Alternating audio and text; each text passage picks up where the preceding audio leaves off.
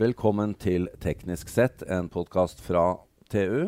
Jeg er eh, som sedvanlig sammen med Odd-Rikard Valmot. Hei, Jan. Hei, Odd-Rikard. Jeg ser du fortsatt går med mitt uh, besøkskort. Det gjør jeg. Jeg Så- heter Moberg. Ja. Ja, fint. Så jeg skal vel ikke kalle meg for sjef ennå. Nei, det er jeg som er sjef i dag, ja. Du må ikke gjøre for mye galt her, da. Vi er på besøk på Offshore Simulation Center på Norsk Maritimt Kompetansesenter i, i Ålesund. Mm. Så hvis du gjør noe gærent, ikke sant, så kommer du på min kvote nå. det er podkast nummer to herfra, og vi har med oss uh, Tore Stensvold. Hei, Jan. Hei, Tore. Fra TU. Og uh, kjører jo da opp uh, TU Maritim, Tore, som vi har nevnt. Det har du nevnt. Og, du har halt og drikkert og meg opp her igjen. jeg, bare, jeg var ikke veldig vanskelig å lure dere med, for dere er jo veldig nysgjerrige på hva som skjer på den maritime sektoren. Ja og jeg har sagt at Ålesund, det er, uh, Det er verdens navle. Ja, og nå har vi vært på stedet i stedet. Ja, vi har det. Fordi eh, um, vi lagde jo en podkast litt tidligere i morges. Ja. Og så Jørgen Drønnen, velkommen. Takk for det. Du tok oss med på, på um, en liten omvisning her. Og det var som å ta Odd-Rikard inn i, i sukkertøybutikken. Ja, jeg så han ble nok eh, år yngre.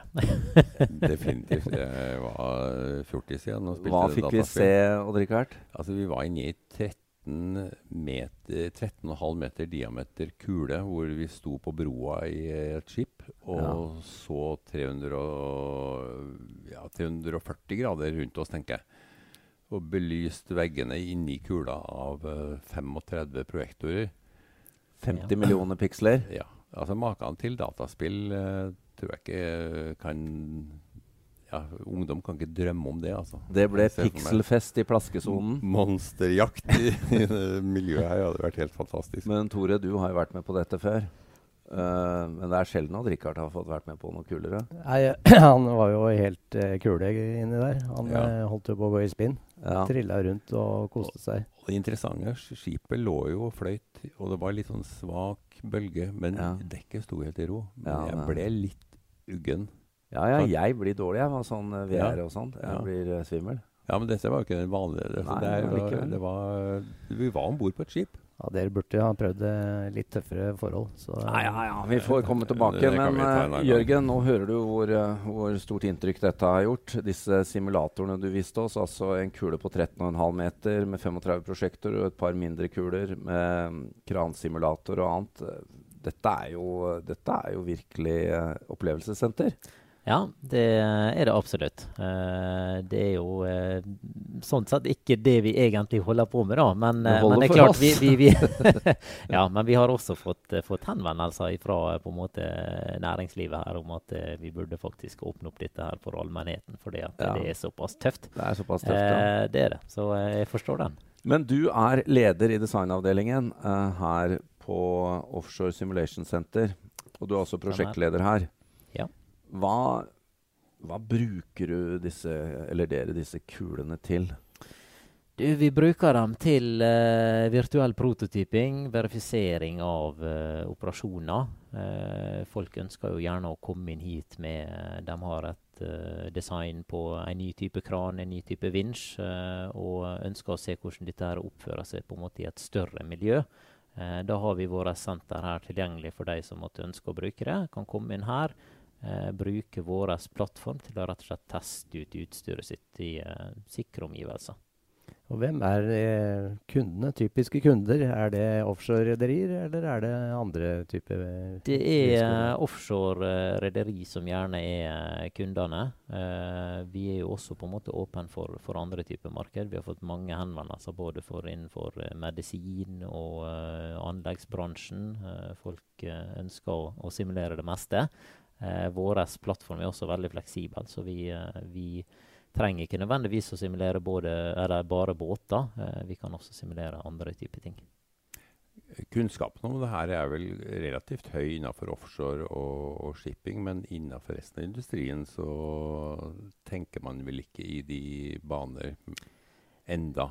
Nei. Eh, der er jo eh, klart eh, Utstyrsprodusenter og sånn har jo tenkt eh, og, og brukt dette lenge for type eh, familiarisering. Lære seg å bruke utstyret. Altså det ser vi fra flyindustrien, at man, at man bruker hyppig simulatorer. Eh, nå har det vært brukt mye i offshoreindustrien, men altså landbasert industri og sånn henger etter. da. Det gjør Mm. de. Um, så der er, er muligheter for å simulere det meste. Og dere er klare for det også? Det er vi. Men uh, Jørgen, du må fortelle litt Uh, um, Først og fremst, dere jo, har jo også uh, simulator for ROV. men hvordan har dette endret seg? Vi hadde jo et ekstremfall i oljeprisen i rundt 2014. Dere ble etablert i 2012.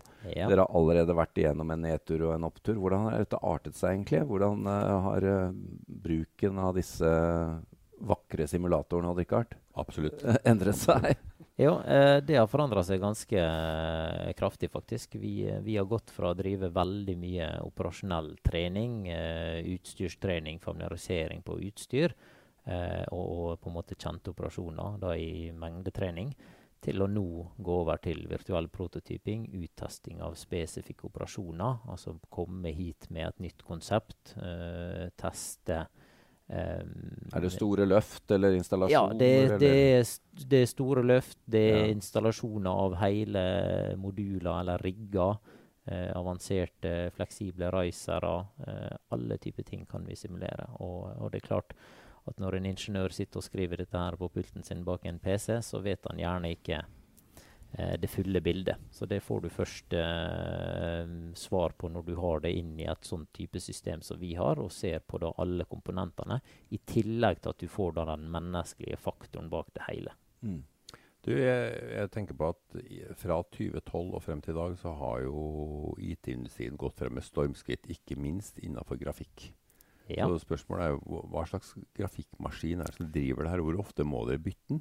Ja, det, det må jo være, være IT-nerds drøm å komme inn til oss og se på det serverrommet som er vi har. Vi har det ikke sant? Jeg, jeg skjønte det kom derfra.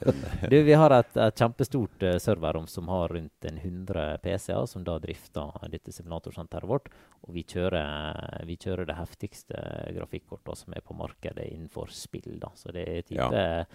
GTX eh, 2080 som akkurat har kommet ut eh, nå, det, da er vi først ute med å bestille det og, og inn og teste ytelse inn i, i simulatorene. Hva, har, hva har forskjellen vært da fra 2012 og frem til i dag? I, i, er det mulig å kvantifisere ytelsen? Eh, ja, det er det for så vidt, men vi, vi pusher hele tida på en måte eh, for å ligge helt opp til kanten av det vi, vi kan. Både i forhold til Vi kjører sanntidssimulering, dvs. Si at Ja. alt kalkuleres i sanntid, så vi trenger veldig mye krefter for det. I tillegg så, så utvikler vi hele tida den grafiske plattformen som gjør at det ser enda mer realistisk ut. Så um, vi, uh, vi får ofte bedre ytelse når det kommer neste generasjons grafikkort, men Mm. uh, da øker vi tils tilsvarende på en måte kvaliteten. Ja.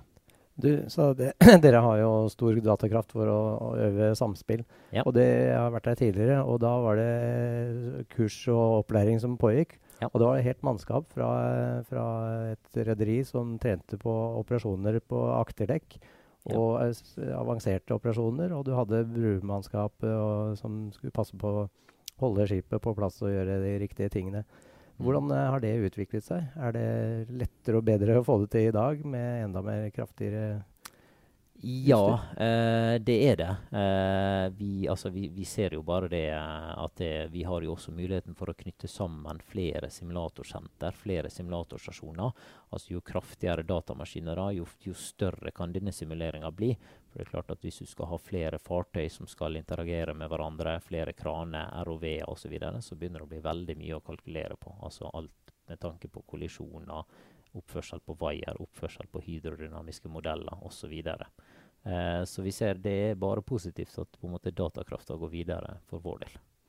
Det, det var jo veldig spennende å se eh, hvordan denne datakraften også blir brukt til ikke bare selve eh, fartøyet og kran og, og de mekaniske tingene, men også hvordan du kunne introdusere et værskifte.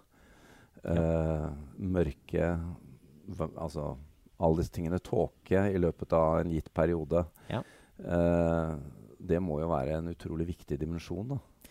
Det er det helt klart. Uh, man ser jo veldig ofte når vi driver på med, med, med prototyping, så har jo man gjerne satt seg at eh, utstyret vårt skal tåle et visst værvindu. Altså vi skal ha den og den løftekapasiteten i det og det gitte værvinduet. Altså så og så mye strøm, så og så mye bølge, vind fra den Du har så og så lang tid på å gjennomføre oppdraget. Og, Ja, og klart ja. det er jo tøffe forhold f.eks. I, i Nordsjøen, så da er jo man avhengig av at man har et, et, eh, både et fartøy og et mannskap som kan operere i uh, tøffe forhold.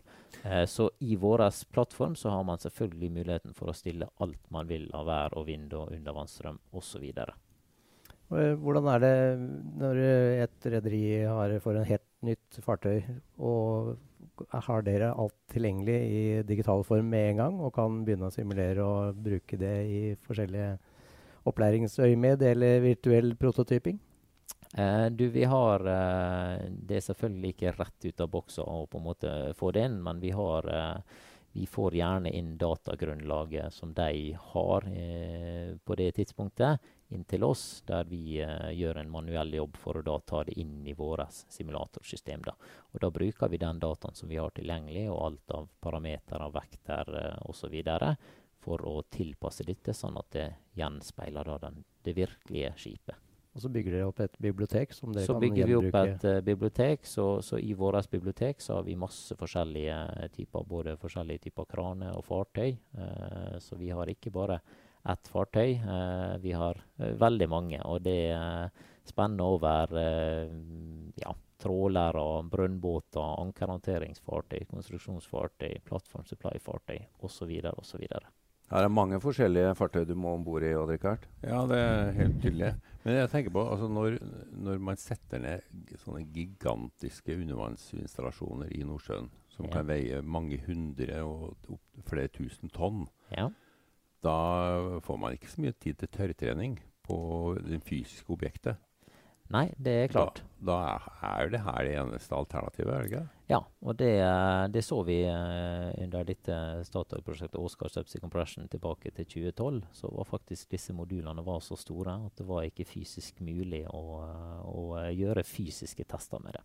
Så da må du komme inn i en, i en digital plattform, sånn som vi har tilgjengelig her. Det var et prosjekt du var med på, Ja, det var et prosjekt som, eh, som jeg var prosjektleder for. der man eh, spesialbygde en kran for å få disse modulene, modulene på plass. Ja, det ble eh, et uh, spesiallaga løftesystem fra Mm. Axtec i, i Molde, eh, og, eh, som ble ettermontert på et eksisterende fartøy spesifikt for den eh, jobben.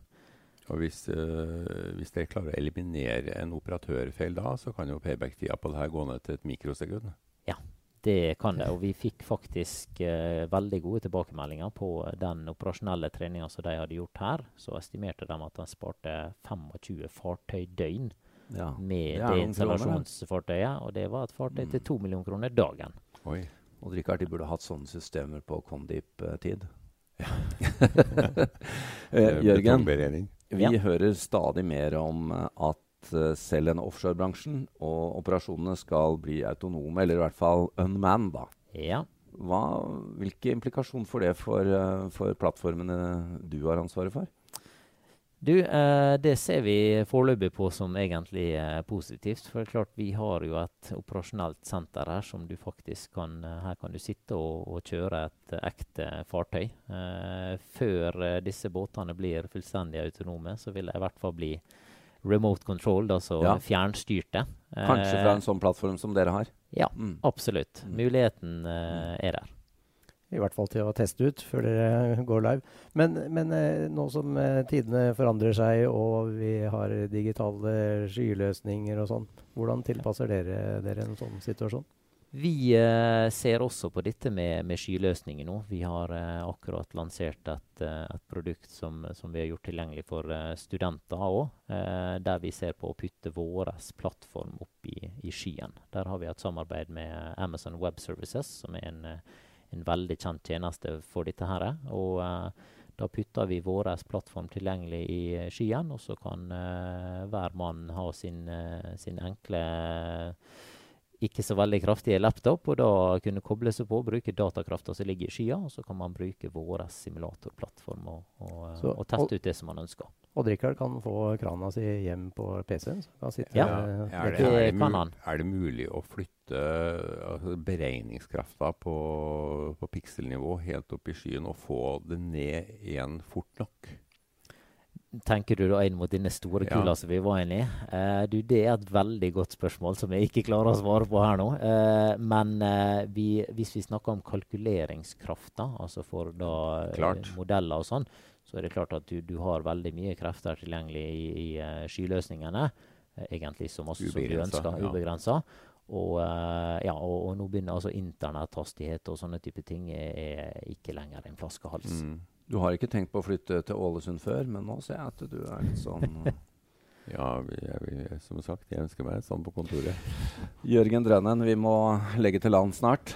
Um, men uh, vi må jo uh, bare si at du må jo være leder for de kuleste kulene i, i landet.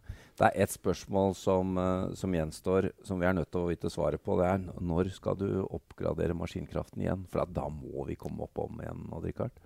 Det må vi. Ja. Kanskje med litt bedre vær, da. ja, men det kan vi stille i simulatoren, så det, det ordner vi. Hvor, hvor ofte gjør du oppgraderinger, og hva skal du bruke neste oppgradering til? Ja, eh, du, vi gjør eh, egentlig stadig vekk oppgradering på en Mm. måte for å ligge i, i heit i kanten på ja, det råeste som ligger der av grafikkort. Så nå har akkurat dette 2080-kortet kommet ut, som jeg Mm. nevnte, og vi har allerede bestilt inn en del der. Så vi, eh, vi, liker å bytte det ofte. Det, det, gjør vi. Vi gleder oss uansett å komme tilbake om en tid og, og uh, se Odd-Rikard måpe nok en gang. Takk for oss. Hjertelig velkommen. Hei.